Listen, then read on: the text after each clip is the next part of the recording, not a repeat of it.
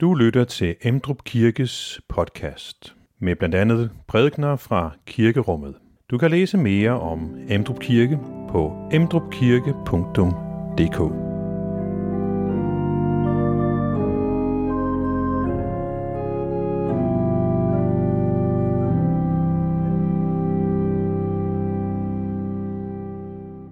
Velkommen til gudstjeneste i dag, Palme Søndag.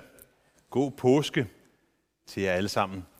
I dag så skal vi øh, høre om, da Jesus er i Betania. Han er på besøg i Simon den Spedalskes hus. Og øh, de har gang i en dejlig middag, og så kommer der lige pludselig en kvinde ind, som gør noget, som mange synes er højst upassende, hælder olie på, på Jesu hoved. De skælder hende ud for det. Det er øssel af penge, men Jesus tager imod det. Det, der sker i Betania den dag, udtrykker kernen i kristendommen. Og en af tingene, som den tekst netop udtrykker, er, da Jesus var i Betania, altså det er en historisk begivenhed, vi taler om.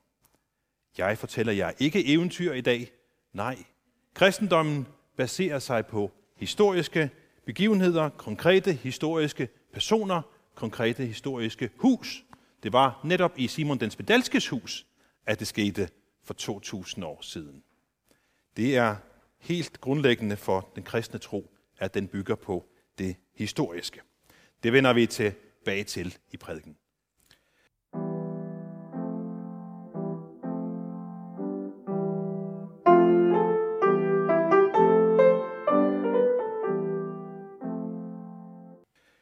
Da Jesus var i Betania, i Simon den Spedalskes hus og sad til bords, kom der en kvinde med en alabastkrukke fuld af ægte, meget kostbar nardusolie. Hun brød krukken og hældte olien ud over hans hoved. Men nogle blev vrede og sagde til hinanden, hvorfor øsle sådan med olien? Denne olie kunne jo være solgt for over 300 denarer og givet til de fattige, og de overfusede hende. Men øh, Jesus sagde, lad hende være. Hvorfor gør I det svært for hende? Hun har gjort en god gerning mod mig. De fattige har I jo altid hos jer, og når I vil, kan I gøre godt mod dem. Men mig har I ikke altid. Hun har gjort, hvad hun kunne. Hun har på forhånd salvet mit læge til begravelsen – Sandelig siger jeg jer, hvor som helst i hele verden evangeliet prædikes, skal også det, hun har gjort, fortælles til minde om hende. Amen.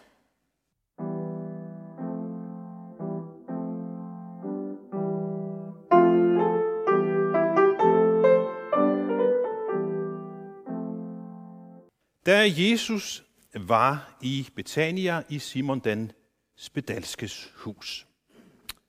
Sådan begynder evangeliet i dag.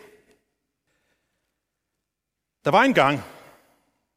Sådan begynder mange eventyr. Der er en afgørende forskel imellem de to indledninger. Der var en gang. Det siger os, at det, der nu skal fortælles, det er aldrig sket. Det er en fantasi, som man måske kunne ønske var sket eller ikke, men der var engang udtrykker, det er et eventyr, det er ikke sket. Men da Jesus var i Betania i Simon den Spedalskes hus, det udtrykker til gengæld, at det efterfølgende netop er sket.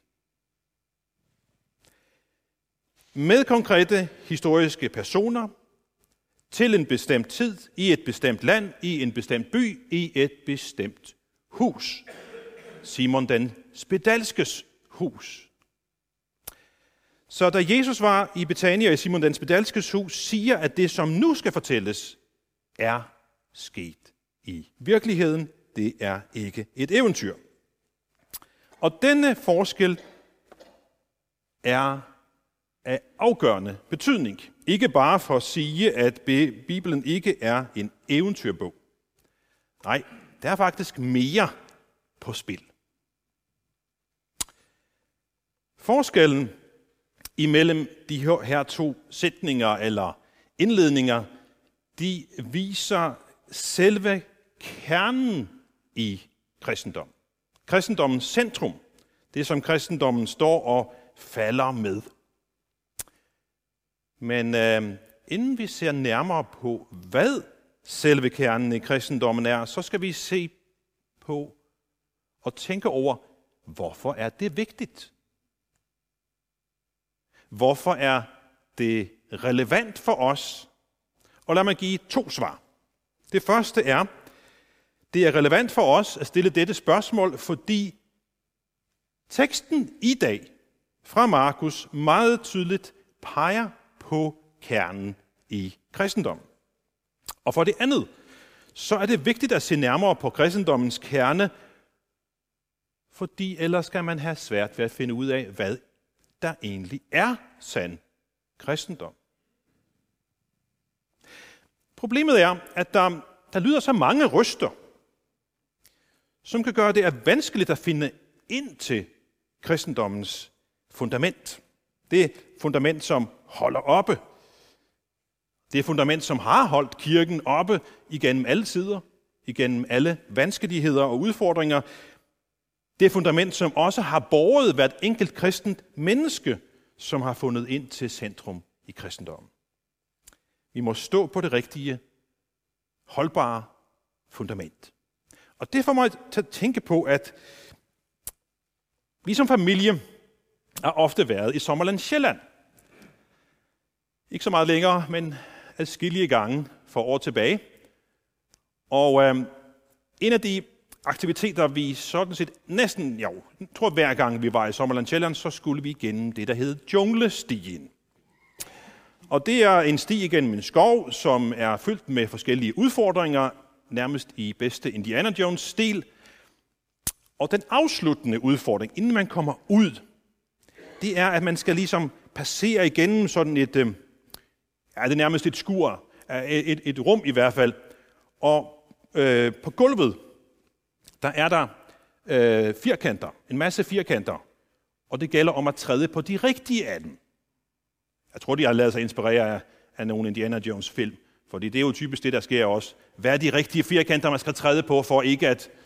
Ja, konsekvenserne er meget voldsomme i det i film, men ikke så voldsomme her, heldigvis. Jeg har prøvet at illustrere det nede i bunden af, af, af skærmen. Og øh, det gælder altså om, at personen, som skal igennem, skal træde på de kvadrater, som holder, og ikke de kvadrater, som synker ned, som man får våde fødder. Man skal altså gå på stigen med det gode fundament, for at undgå at få våde fødder. Når vi går frem af det kristne livs vej, gælder det om at have fundamentet i orden. Og teksten i dag hjælper os til at nå ind til selve kernen i kristendommen, hjælper os til at se fundamentet.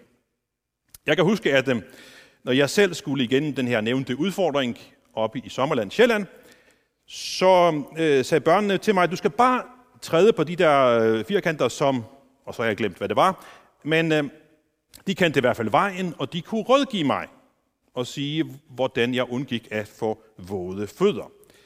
Så nu forestiller vi os, at jeg står altså der foran denne udfordring og skal finde vejen frem. Jeg lytter til en af mine børn, som siger, du skal gå den vej, hvor der er øh, trekanter på. Så kig efter trekanterne og gå på dem.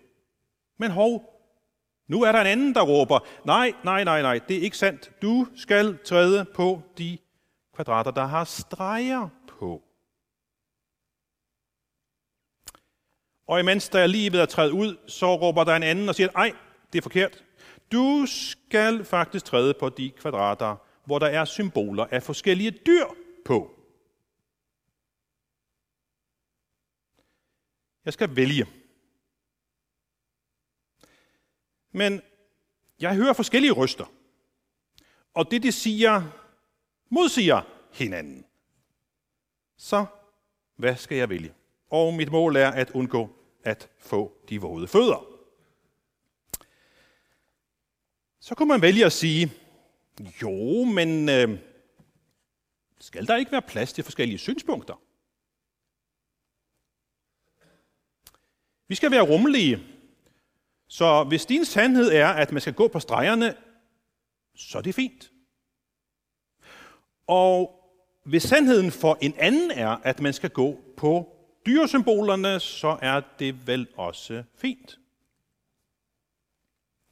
Man kan så også vende sig mod den første, der sagde, at man skulle træde på trekanterne og sige, hvorfor er du så snæversynet og påstår, at der kun er én vej frem? Vi skal rumme de forskellige synspunkter, skal vi ikke det? Men tilbage står jeg foran udfordringen, og jeg vil gerne undgå at få våde fødder. Derfor vil jeg gerne have den rette vejledning om den gode vej med det gode fundament. Jeg har brug for vejledning. Det har vi også. Vi har også brug for Helligåndens vejledning for at finde ind til kernen, for at gå på det gode fundament. Vi må hjælpes til at nå ind til kernen og til at holde fast i denne kerne resten af vort liv. Og nu er vi så tilbage ved den første sætning i teksten hos Markus. Da Jesus var i Betania. Fordi det udtrykker nemlig kernen i kristendommen. At kristendommen uløseligt, uløseligt er knyttet til konkrete, faktiske, historiske begivenheder, hændelser, som vi kan sætte både tid og sted på. Kristendommen er ikke et eventyr med fantasifulde fortællinger. Kristendommen er derimod historiske beretninger om ord, der er blevet sagt, om ting, der er sket. Men kristendommen er ikke bare historie og historisk. Den er også aktuel og nutidig. Og det kan man måske illustrere med at sige, at, det, at øh, kristendommen har ligesom to poler. Den aktuelle og den historiske pol. Kristendommen er aktuel, fordi den har et budskab til os her og nu, lige midt i vores hverdag. Samtidig er den historisk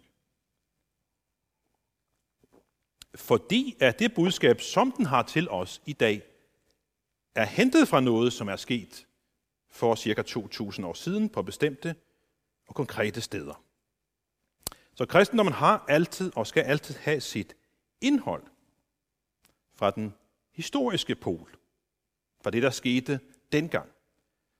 Og det 2000 år gamle indhold skal så tage sin form, aktuelle form, i vores dagligdag.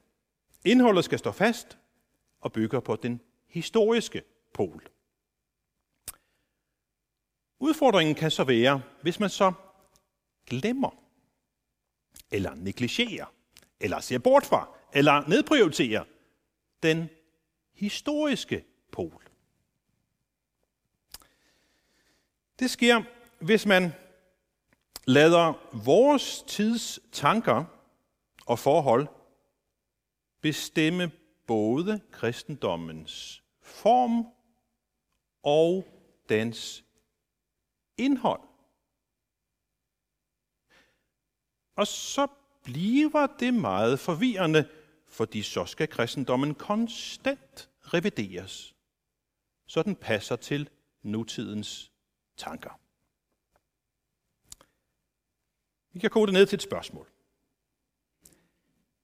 Er det sand kristendom, når vi selv vil bestemme kristendommens indhold og konstant vil revidere dens indhold, så det passer til nutidens syn.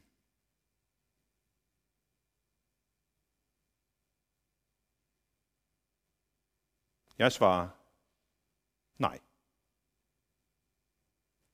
Fordi så har man jo bare ophøjet sine egne tanker og egen vilje til Guds vilje og pyntet det med kristelige formuleringer. Så problemet er, at man i så fald har glemt den historiske pol. Man har glemt, eller måske tilsidesat det, som skete dengang, som alene og for altid skal bestemme indholdet. Vi skal have begge poler med. Kristendommens fundament er det, som Bibelen fortæller os. Kristendommens kerne er, at den bygger på det, som Gud lod ske. Så man kan sige, at kristendommens historiske budskab, eller Bibelens historiske budskab, er kristendommens kerne. Og det bygger altså på, at frelsen bygger på konkrete historiske begivenheder, på en konkret person, Jesus. Budskabet er også, at vi ikke kan frelse os selv. Vores høje tanker, vores gode tanker, vores gode gerninger og smukke fromme følelser kan ikke frelse os.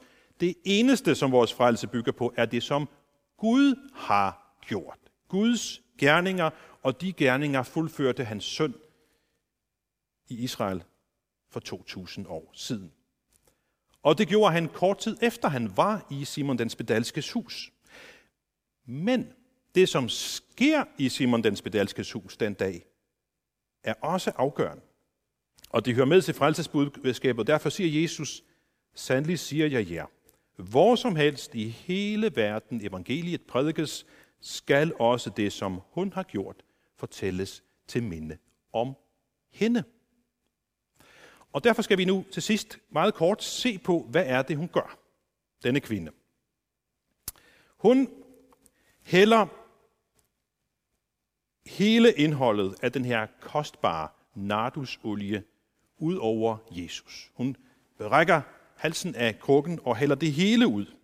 Jesus skal have alt. For han er Messias.